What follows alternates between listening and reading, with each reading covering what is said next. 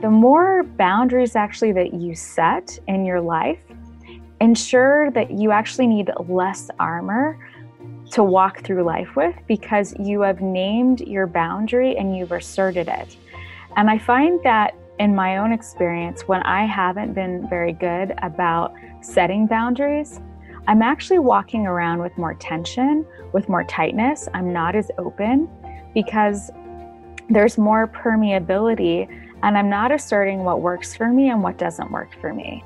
That was Carly Hauck, and you're listening to episode 199 of the Building Psychological Strength podcast, where we uncover the information, tools, and techniques to turn our mind into our most valuable asset.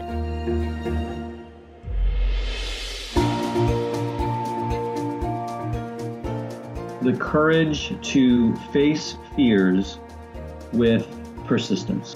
Being able to be present enough in this moment to choose my response thoughtfully. We have the strength to bend to life stressors, to bend to adversity without snapping, without breaking. There are only six things that contribute to our quality of life, and they are all experiences. In every moment, we are deciding who we want to be and how we want to live our lives. Noticing what your brain is doing and then being able to make choices mobilize the things that we know lift us up.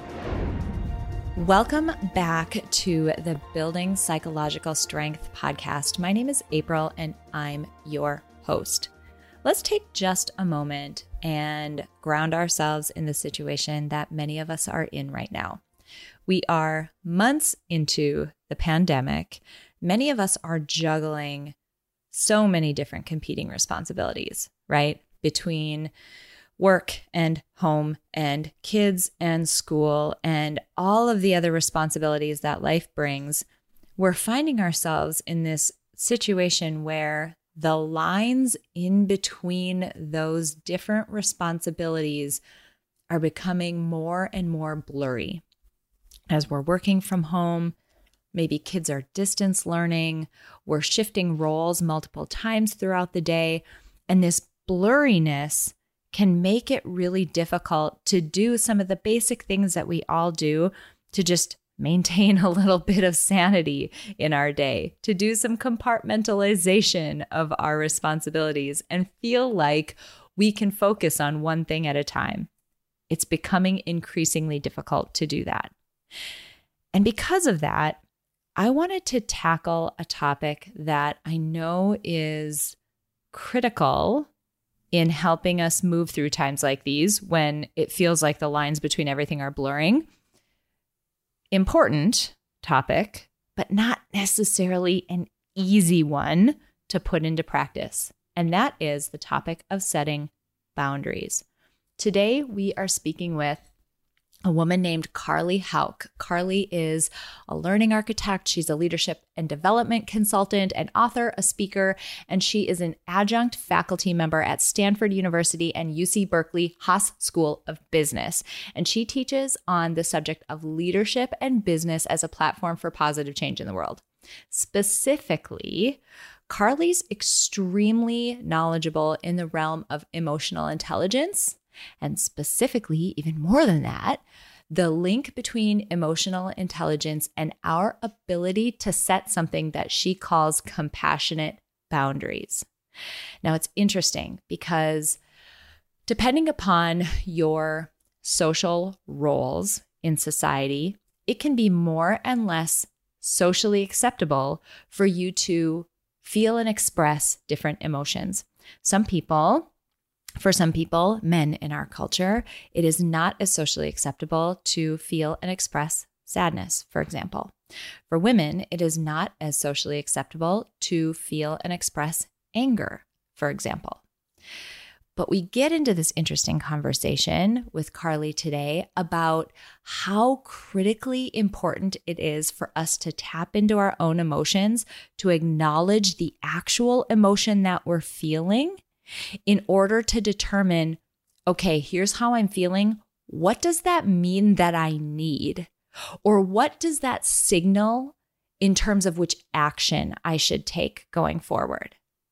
So we talk about emotional intelligence from that perspective, but then we get into a beautiful conversation about setting compassionate boundaries. Now, compassionate boundaries are ones that they're a boundary, right? They get us the space and the protection that we need, but they do so in a way that preserves the relationship with the other person. And isn't that the whole thing? Isn't that why boundaries can be so difficult to set? Because we worry about harming relationships. So I love this perspective of compassionate boundaries. And we kind of tie these two topics together between emotional intelligence and compassionate boundaries because we actually need to tap in to specific emotions, anger being one of them, in order to be able to set a firm boundary. This is such a nuanced and deep conversation. I'm so excited for you all to hear this, especially in the time that we're in now. I mentioned it before, but the blurring of the lines between all of these aspects of our lives can make it feel like we don't have really any boundaries for us to rely on and to protect us. And as you know, if you've listened to prior episodes of ours, if you're the type of person who is shouldering all of this responsibility, it means you are an asset who needs to be protected. You are a linchpin in this process of life that needs to be protected in order to continue to perform and show up in the way that you want to. So, this conversation is an absolutely valuable one for you to listen to. Also, listen until the end. One of the last things that Carly walks us through is sort of a systematic way of approaching setting these boundaries that makes it feel less intimidating and less scary. So, I really want you to make sure that you catch that. All right. I really hope no matter where you're at in your own personal situation, I really hope that this episode helps you think about how you can do some things to protect yourself, how you can recognize when there is a need that you have. And use the information from this episode to set some boundaries that not only protect you, but also enhance the relationship that you have with that other person. All right, let's dive into our interview with Carly Hauck. Carly, I'm so excited to have you on this episode because the context that many of us are finding ourselves in these days really lends itself to a lot of the work that you do and a lot of the expertise that you have. I really think this is going to be an episode that people can take away some value and start to apply to their life directly. So thank you so much for being here. Ah, thank you so much for having me. I want to dive right into the deep end of the pool. You know, we're if we kind of start with some some laying of the land or some context setting, we are all in maybe individually we're in unique circumstances, but there is a shared circumstance that we all find ourselves in.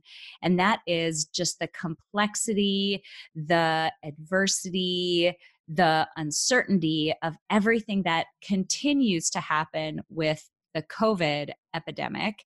And it seems like to me, at least, as soon as I feel like I I've gotten some stability. I feel like okay, I think I've got a handle on this.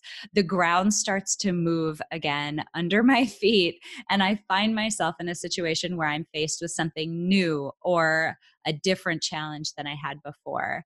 And as we were chatting before we hopped on to record, you had a really beautiful way of describing emotionally how we all might be feeling during this time as we cope with whatever individual uncertainty is coming our way. Can we start there? And can I have you kind of ground us in that explanation that you gave because it was so clear and so beautiful?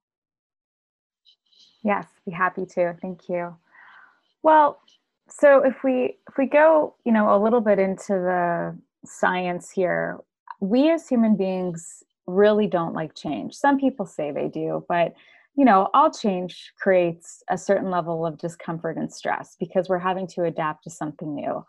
And from my background in neuroscience and really understanding how the mind, body, and heart work, when there is a change or a shift, our typical first response, our first feeling is going to be fear.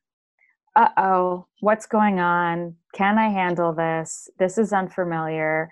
Um, and so that fear response can actually move us into a fight, flight, or freeze response, or what has been found in research through UCLA and Shelley Taylor's research, we could also move into tend and befriend.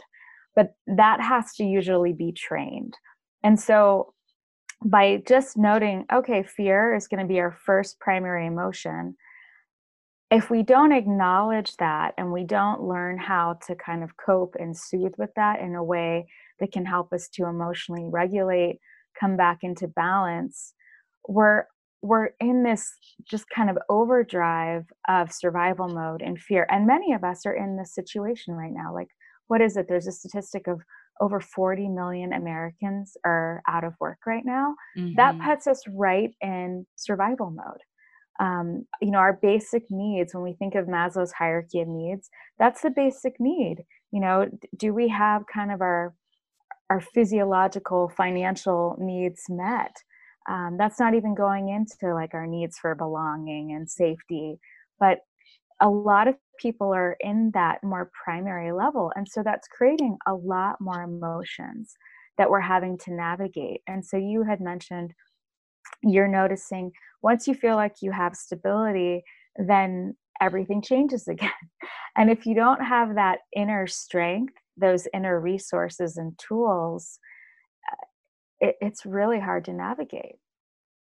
Yeah, absolutely. And something that I've noticed as well is that prior to the epidemic reaching the US, eh, you know, we were used to having the conversation about the chronic stress that many of us find ourselves in, right? We're mm-hmm. stretched thin at work, we're stretched thin with family responsibilities and obligations.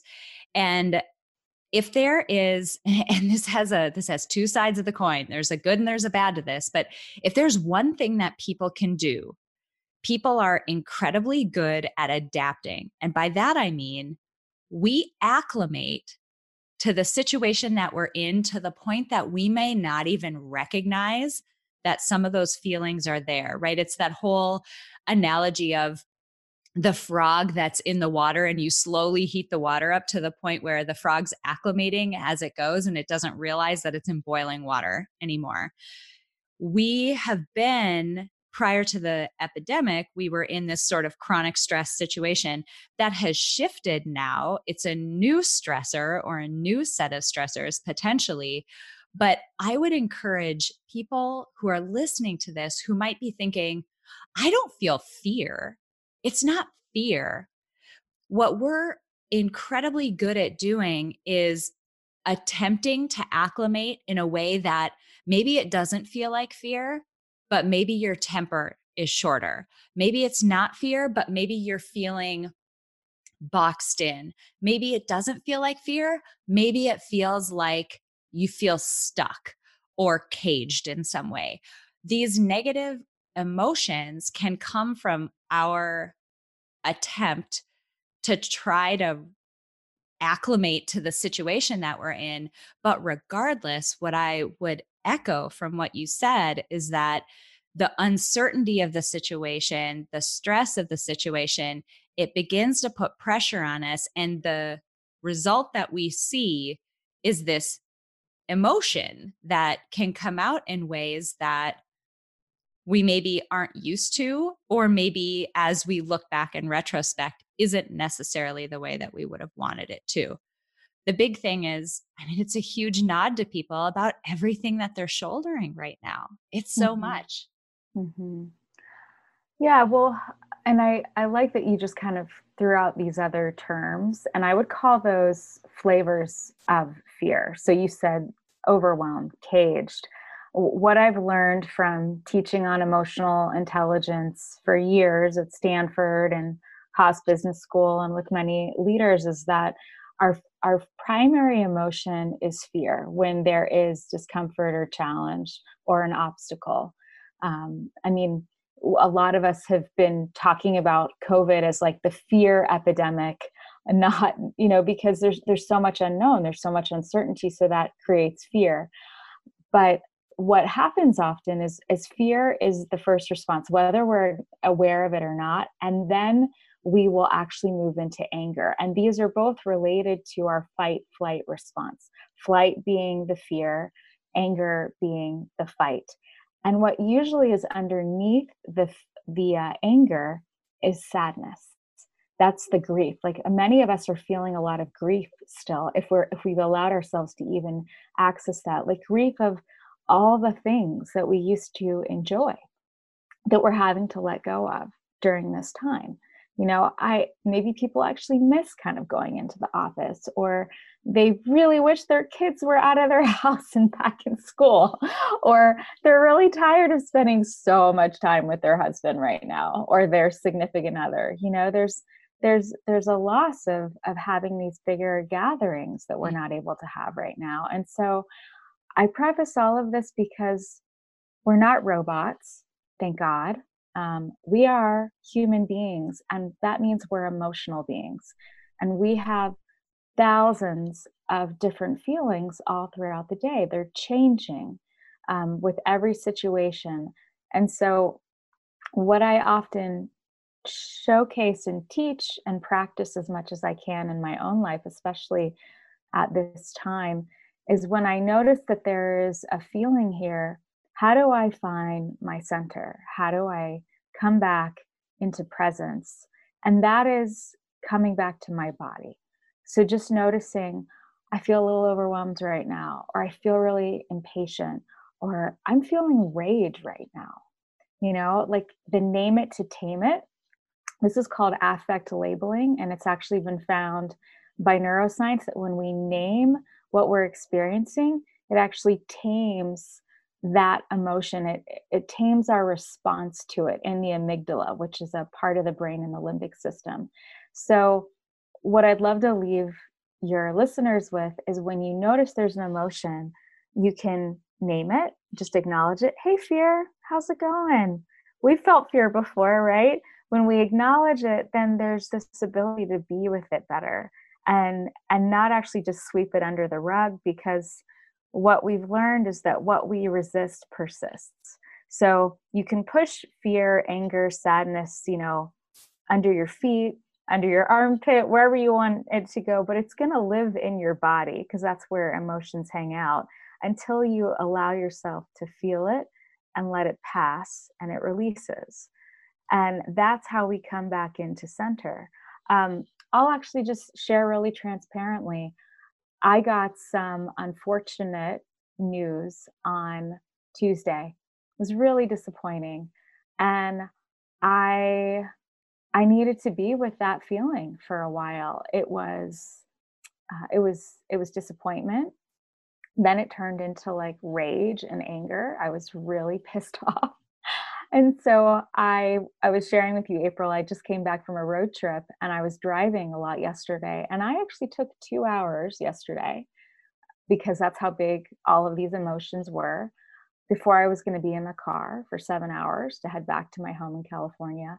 And I spent time in nature and I swam in an alpine lake. Like I just really moved all these emotions through my body. I let myself cry I literally screamed into nature because I could do that. Nobody was around. And I, I, allowed myself to really feel it, release it. And once I came through that window and that cycle, I was able to shift my mindset um, and really come back into gratitude for what I do have, come back into, okay, this happened. It sucks. And it's not what I wanted. What do I have control of? What's the next step forward? Who can help me you know to turn this around? And just expanding into what's the best possibility. But in the moment that i was still feeling all these emotions and overwhelm i couldn't access that greater positive mindset. I needed to feel it to shift it if that makes sense.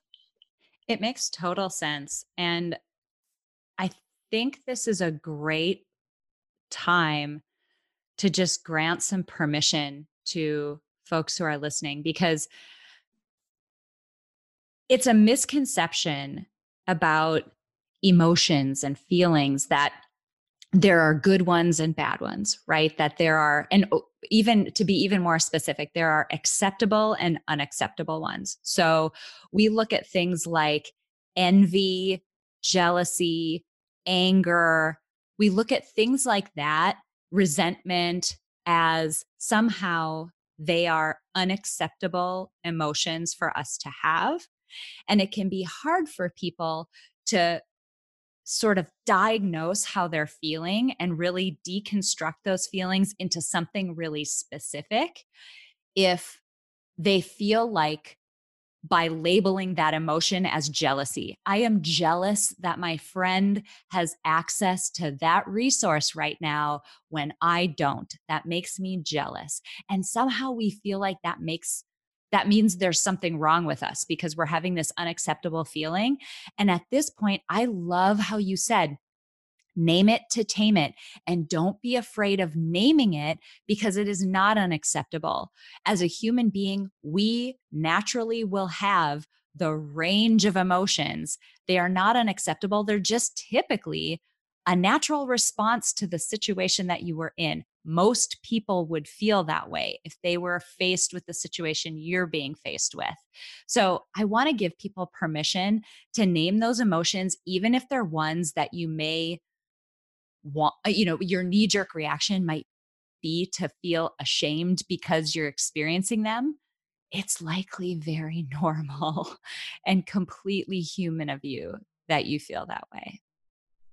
Totally. And, you know, typically in our culture and in a lot of other cultures around the world, like when you think of more Eastern cultures, there's a lot of um, hiding of emotion and expression. It's it's not something that has really been promoted or encouraged or accepted. And when we even think about gender dynamics, and I've I've I've done a lot of research around this because of teaching to men and women and all people, um, even you know, regardless of more boxed in gender no- normalities. But typically, women, women, uh, or let me just rephrase that: people that identify as as a woman, usually in our culture, it's more encouraged to express sadness, but there's still quite a bias around women that express anger. You know, there's there is a lot of gender norms that say, you know, a woman that expresses anger is hostile, or I'm just going to use the word bitchy. And if a man expresses anger, he actually is seen as empowered, impassioned. Um, the same thing with men. Men in our culture they are seen usually as weak if they express fear or sadness. So we have these gender norms that we really need to dismantle and shift so that everybody, regardless of what gender they identify with, are allowed just to be human, which means we're going to have the full range of emotions. Something I want to dive into there that I'm so glad you brought this up. If if what Carly just said seems like, I don't know, I feel like I can be angry. I don't know. I feel like one thing I would encourage you to think about is the number of times either if if it's, you know, women I'm speaking to or people who identify as a woman that I'm speaking to right now, the number of times that either you or another woman have mentioned, gosh, it's frustrating because I cry when I'm angry. Like your knee jerk reaction is to cry rather than to get actually angry about the situation. Conversely, the number of times you've seen men or people who identify as men feel like lash out in a sad situation or a situation that might make them feel sadness.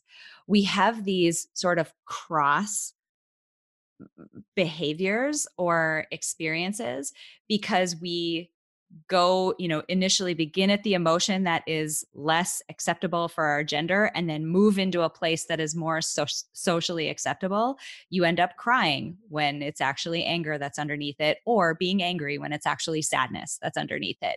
The expression of it becomes more socially acceptable, and you tend to see that more often with people. You can I've I've had a number of conversations with uh, friends of mine who are women who have expressed like when I'm in a situation at work that makes me angry, I get tears in my eyes, and that's frustrating to me because I don't want to be crying at work.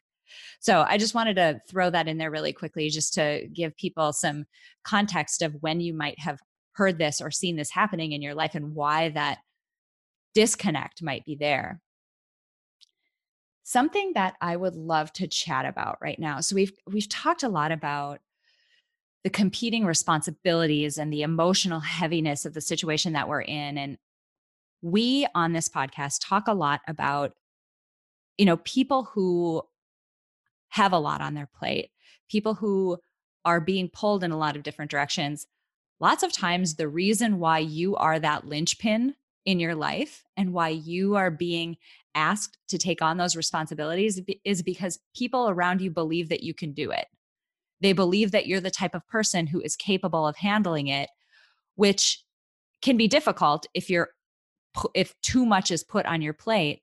But what that means is that you are an incredible asset to the people around you and to this functioning system that is life right now.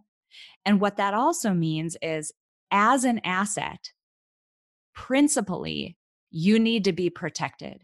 We need to do some things that support you and allow you to continue to perform or show up in a way that you want to. Because if you're not protected, it's really difficult to handle everything that's being put on your plate. And specifically, where I'm going here is you have incredible expertise in the realm of boundaries, and in particular, compassionate boundaries. Can you talk a little bit about what that means in this context? Yes. Thank you for that introduction.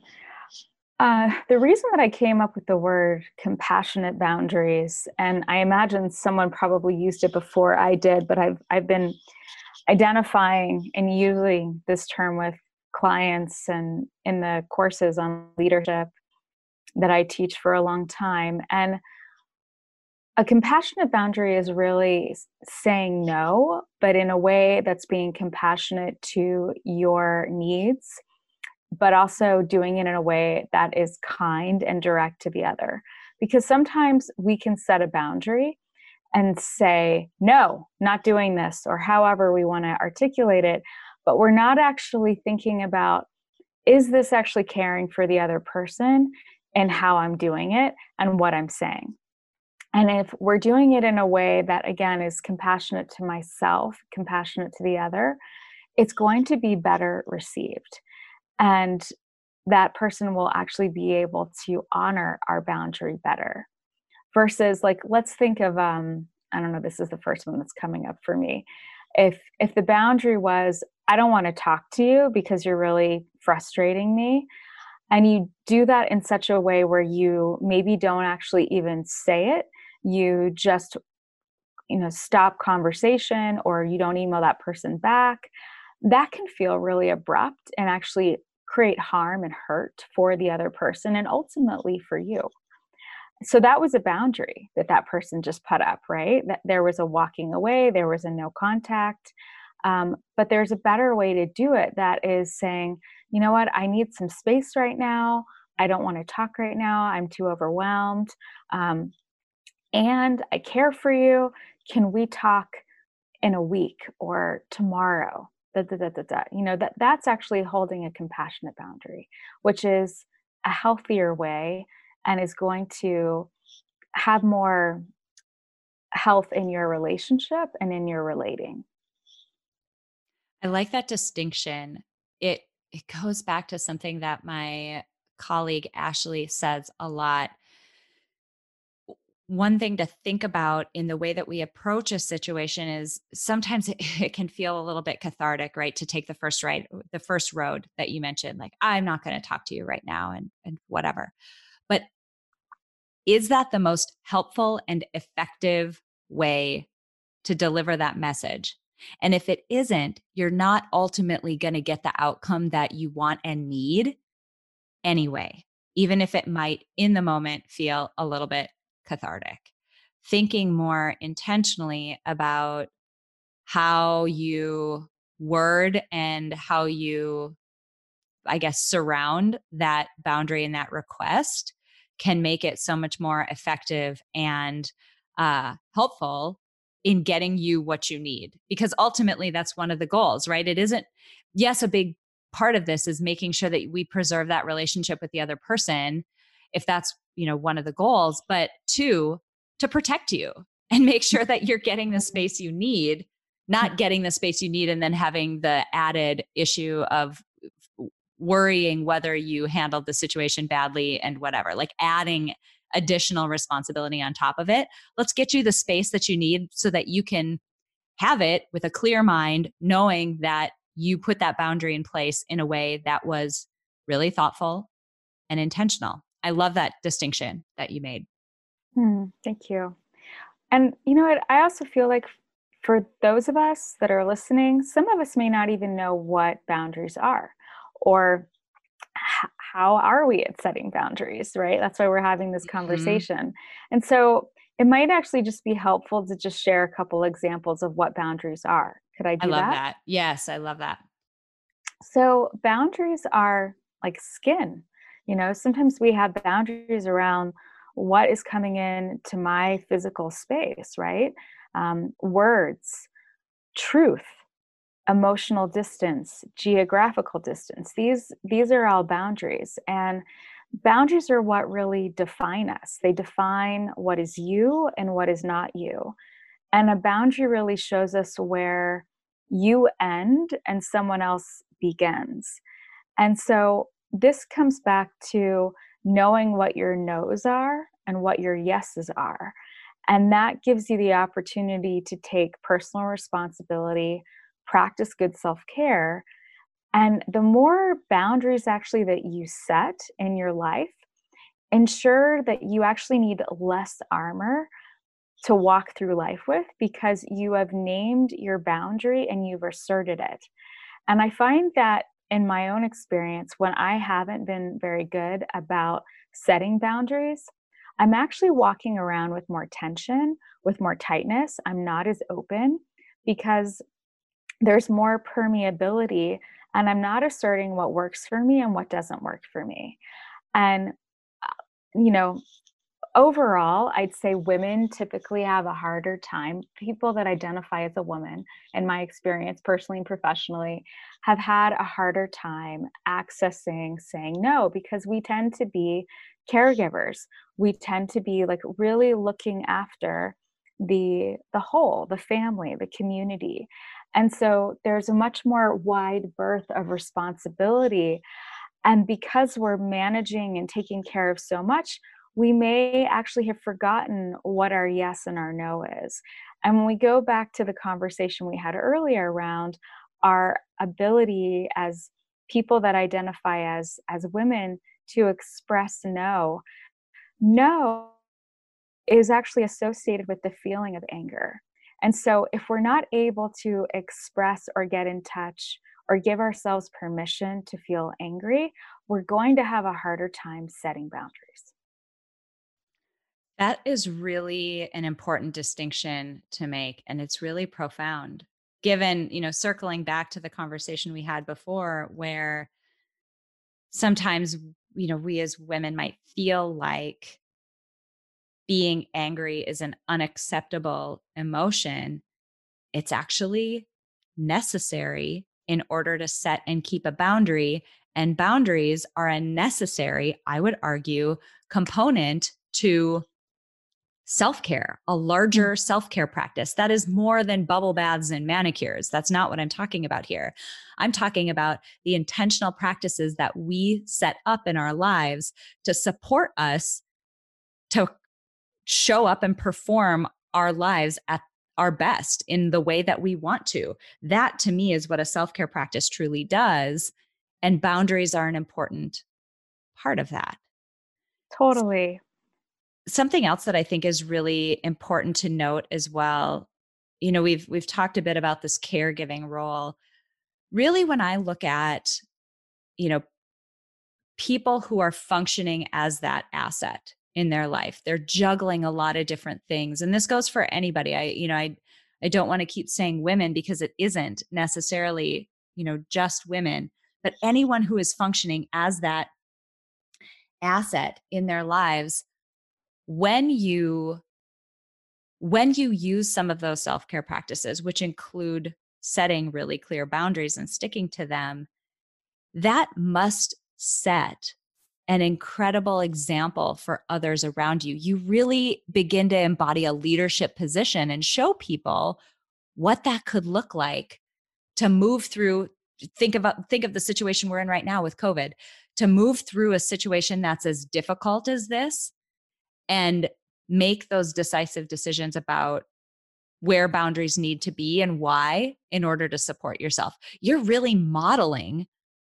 how to move through adversity in a way that keeps you stable and keeps you doing well.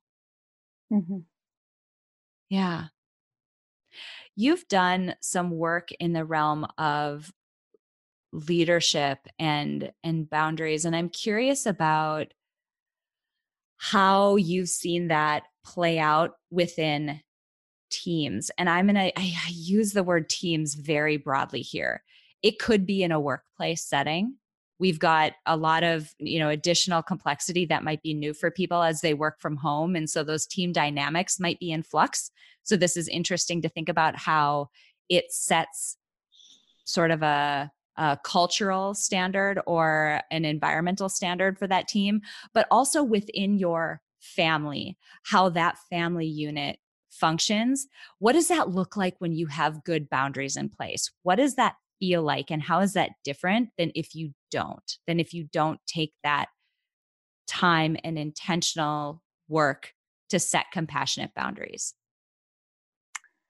Yeah that's a great question. Well let me just start off with sharing what i've been observing. So i work with a lot of leaders people that identify you know in all different sorts of ways men women um, lgbtq and everyone is navigating this new norm in such different ways and we're about like 4 months in you know and and i i feel like there is this more adaptation that's happening but as you said at the beginning we are navigating so much change all the time that there's just constant constant shifts and i don't think that any of the leaders or managers that I'm working with have really kind of found their ground because it is literally shifting underneath their feet moment to moment, day by day. And so, what that is creating for the manager of that team or the leader is a lot of emotional burden, actually, that they're having to care for their team. And there is a lot more needing to stay connected to the team, checking in not only on the professional objectives anymore, but the personal like, how are you doing? Do you have what you need to really thrive in this environment? That personal care, which I think was really lacking in the workplace, is now something that we're having to do and really prioritize more because it is about the team. We're not seeing these people in person we're we're really connecting virtually all over the world more and more and more and so that's requiring really asking people more directly you know having more transparency. And the piece that's really challenging around holding good boundaries is that we're all working from home and so we don't have the separation between work and home for those people that were going into an office where they they could have a boundary around you know their two year old being around the house while they were working. Now there's you know notoriously there have been all these videos on youtube and whatnot of like the three year old that's crying in the midst of a of a big meeting and is in the background. And in fact you know i've had multiple calls with various coaching clients of mine where they'll say Carly, um, my three year old is in the middle of lunch right now, and I actually need to have her in the room with me because my wife is on another call and so that that's kind of a new part of normalcy and so we are really bringing our whole self to work right now. And we are trying to figure out what are the boundaries? How can I delegate more? How can I actually have my team lead without authority so that we can all take care of each other? And just because I have the title of manager or leader doesn't mean I have to take care of everyone and be the, the sole person that's checking in because it's too much on the managers and the leaders. And then they're also having to navigate you know their their own family and how they lead in that environment and so what i've been noticing is a real lack of self-care actually because they're on all the time and on all the time but also then on zoom or on their technology all the time so some of the things that i've been encouraging with my clients is really not going to every meeting, really having an agenda for every meeting that they have at work to make sure that it's essential that they're there. Otherwise, it's too much time on Zoom.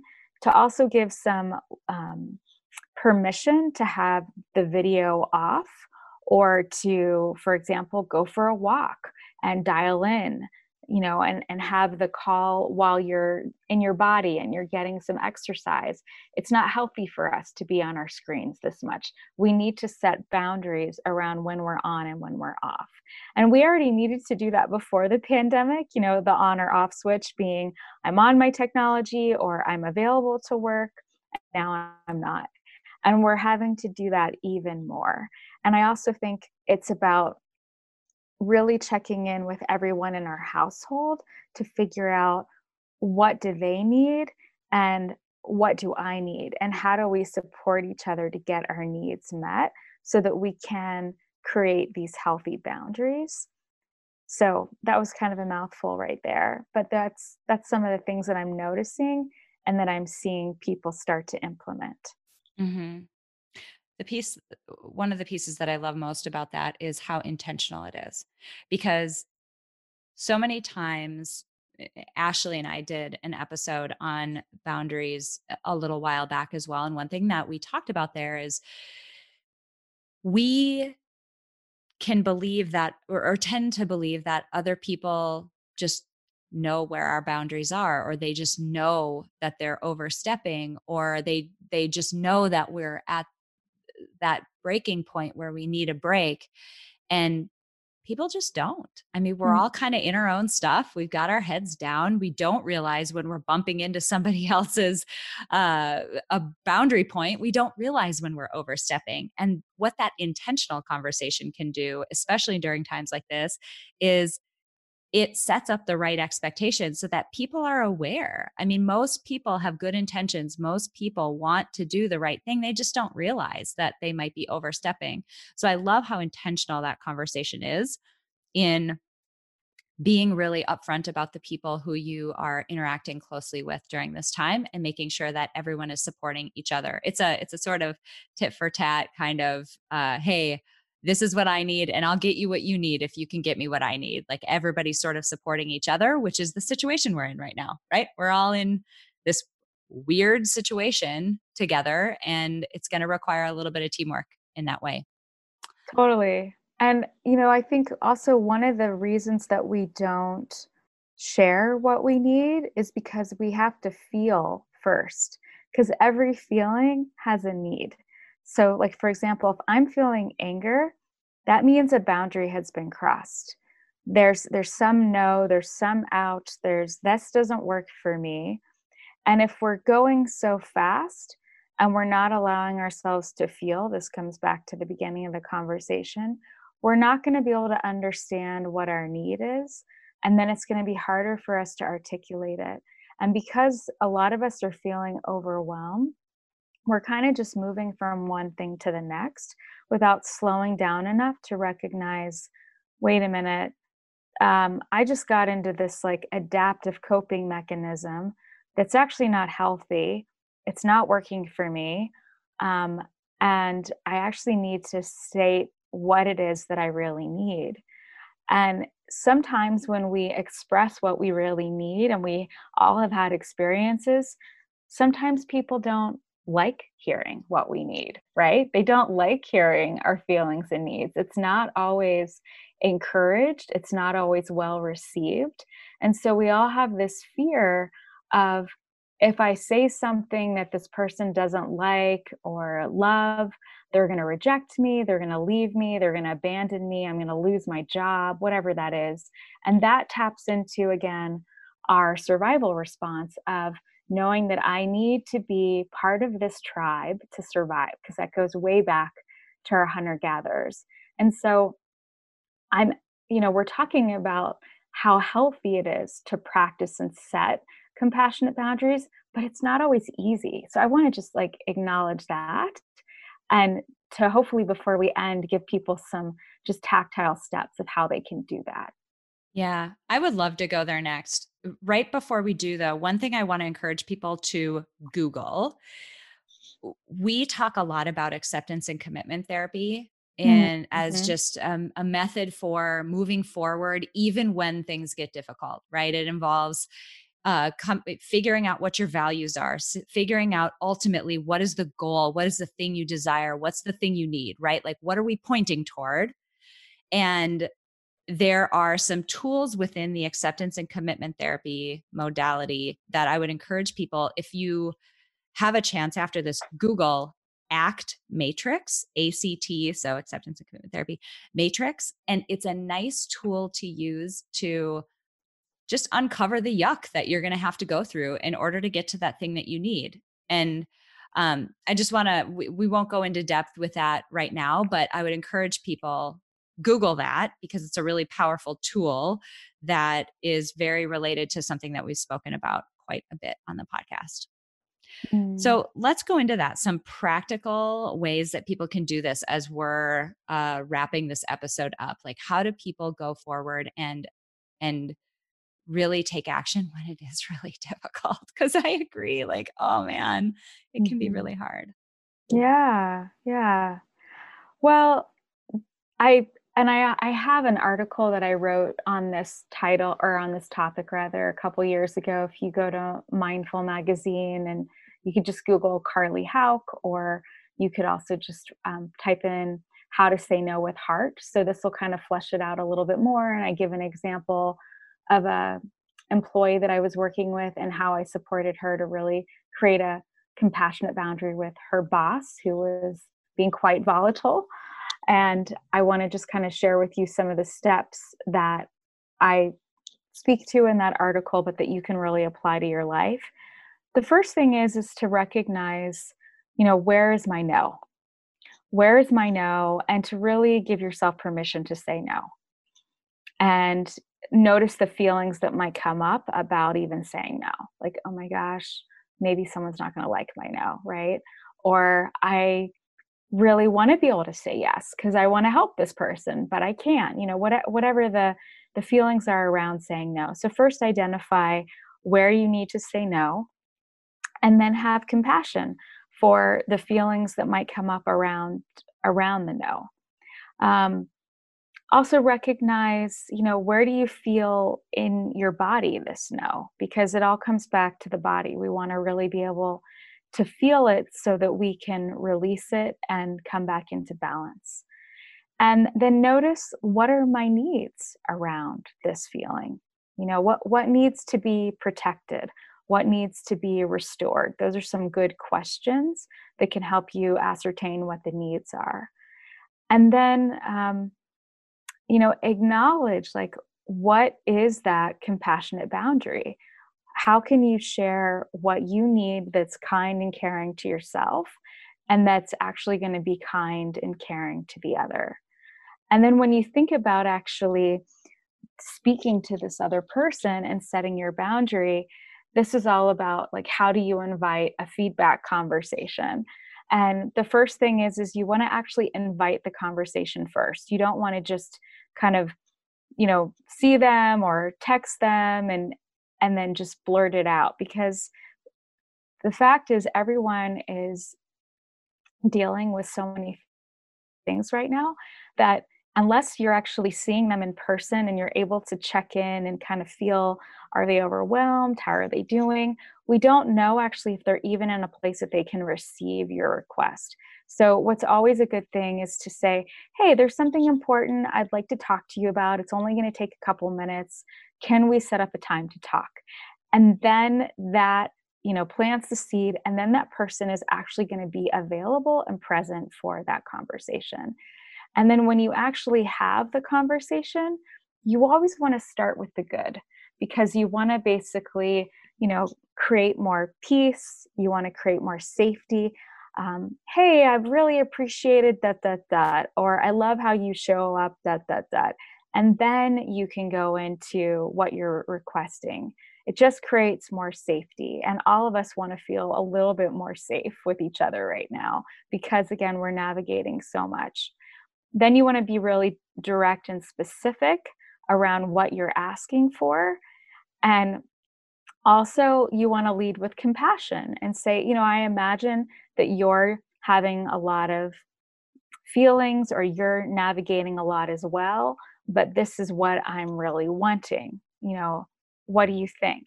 And you could also give that person an opportunity to take some time to digest what you've just asked. Like they don't have to give you a yes or no right then. You could say, This is what I'm really wanting. Take your time to think about it.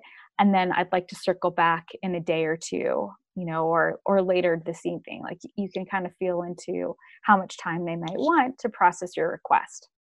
That's those are just kind of the, the highlights, but that is what I would share around setting a compassionate boundary that's such an actionable set of steps to take and sometimes when you break things down like that it makes them so much less intimidating to tackle when you just mm. have to do one thing at a time as we're wrapping up i would love for you to talk a bit about or just give me your definition of psychological strength what does it mean to you to be psychologically strong mm. when I think of psycholo- or psychological, you know, I think more of the mind, but I actually think to be psychologically strong, we have to bring in the whole body. So it's the mind, it's the body, it's the heart. And we're really being required to bring our whole self forward. And the more that we can access, you know, the the wisdom of our body, the wisdom of our heart, and we really cultivate these these tools on the inside. I, I use the word inner game a lot. You know, we have this inner game of emotional intelligence, awareness, self compassion, resilience. This creates psychological strength where we can really show up and navigate all the complexities on the outside with more grace, with more confidence, with more strength because we have those resources and tools that we're developing on the inside. I love it. If people want to find out more about you and the work that you do, where can we find you online? So, my website is just my first and last name, carlyhauck.com. I also have a newsletter and podcast on leading consciously at work and in the world, and that comes out bi weekly. And you can sign up for that at leadfromlight.com.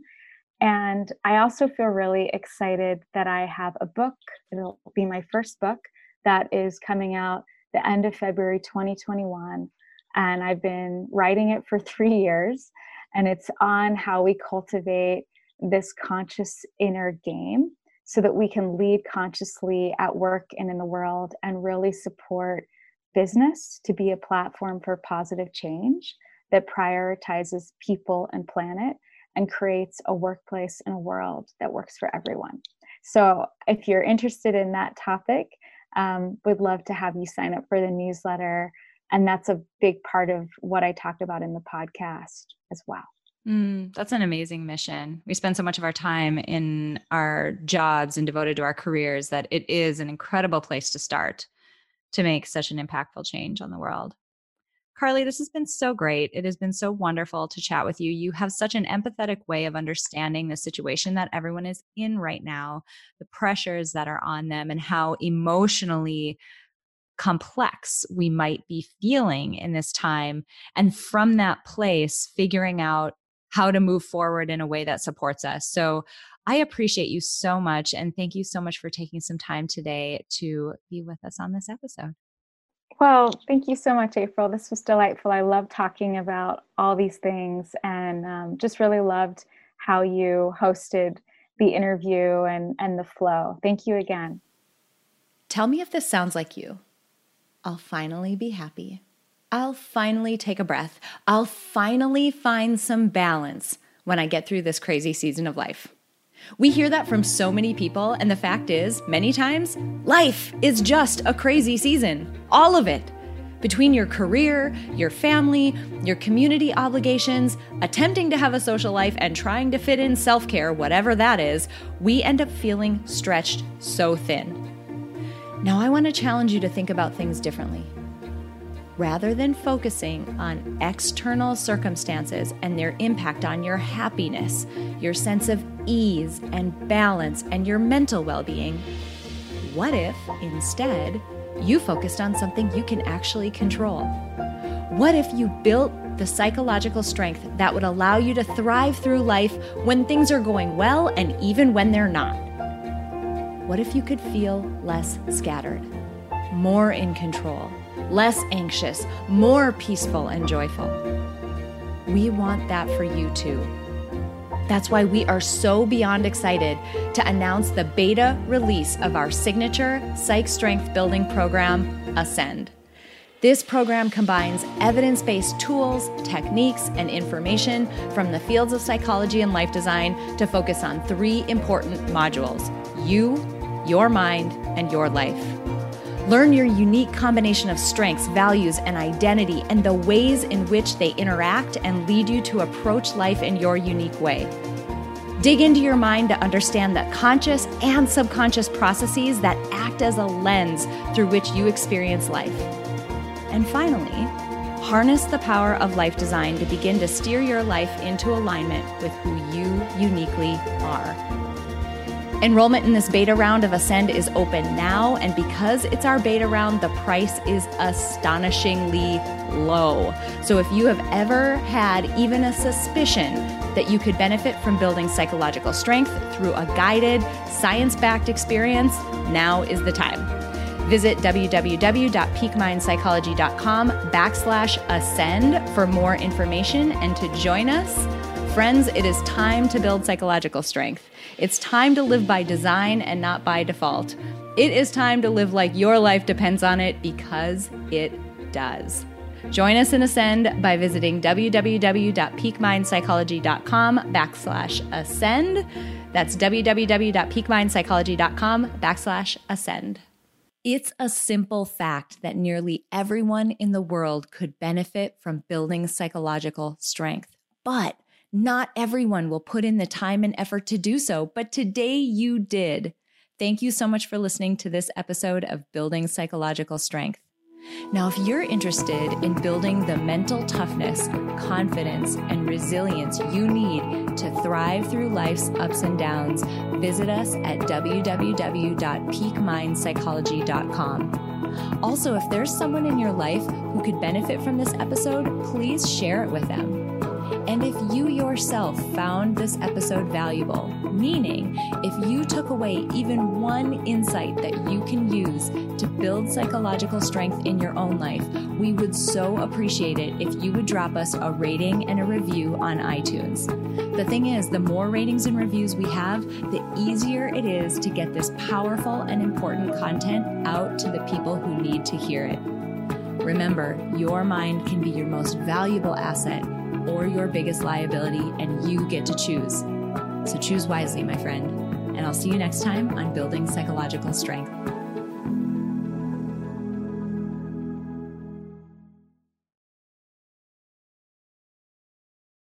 When your skin feels nourished and glows, you radiate confidence. Osea makes giving your skin a glow up easy with their clean, clinically proven Mega Moisture Duo. This seaweed powered duo features two of Osea's best sellers, Undaria Algae Body Oil and Undaria Collagen Body Lotion. Glow from the inside out. Get 10% off your first order with code GLOW at OseaMalibu.com. That's O S E A Malibu.com code GLOW. When everyone is on the same page, getting things done is easy. Make a bigger impact at work with Grammarly. Grammarly is your secure AI writing partner that enables your team to make their point and move faster. You can even save time by going from spending hours editing drafts to just seconds. Join the 96% of Grammarly users that say it helps them craft more impactful writing. Sign up and download Grammarly for free at grammarly.com slash podcast. That's grammarly.com slash podcast.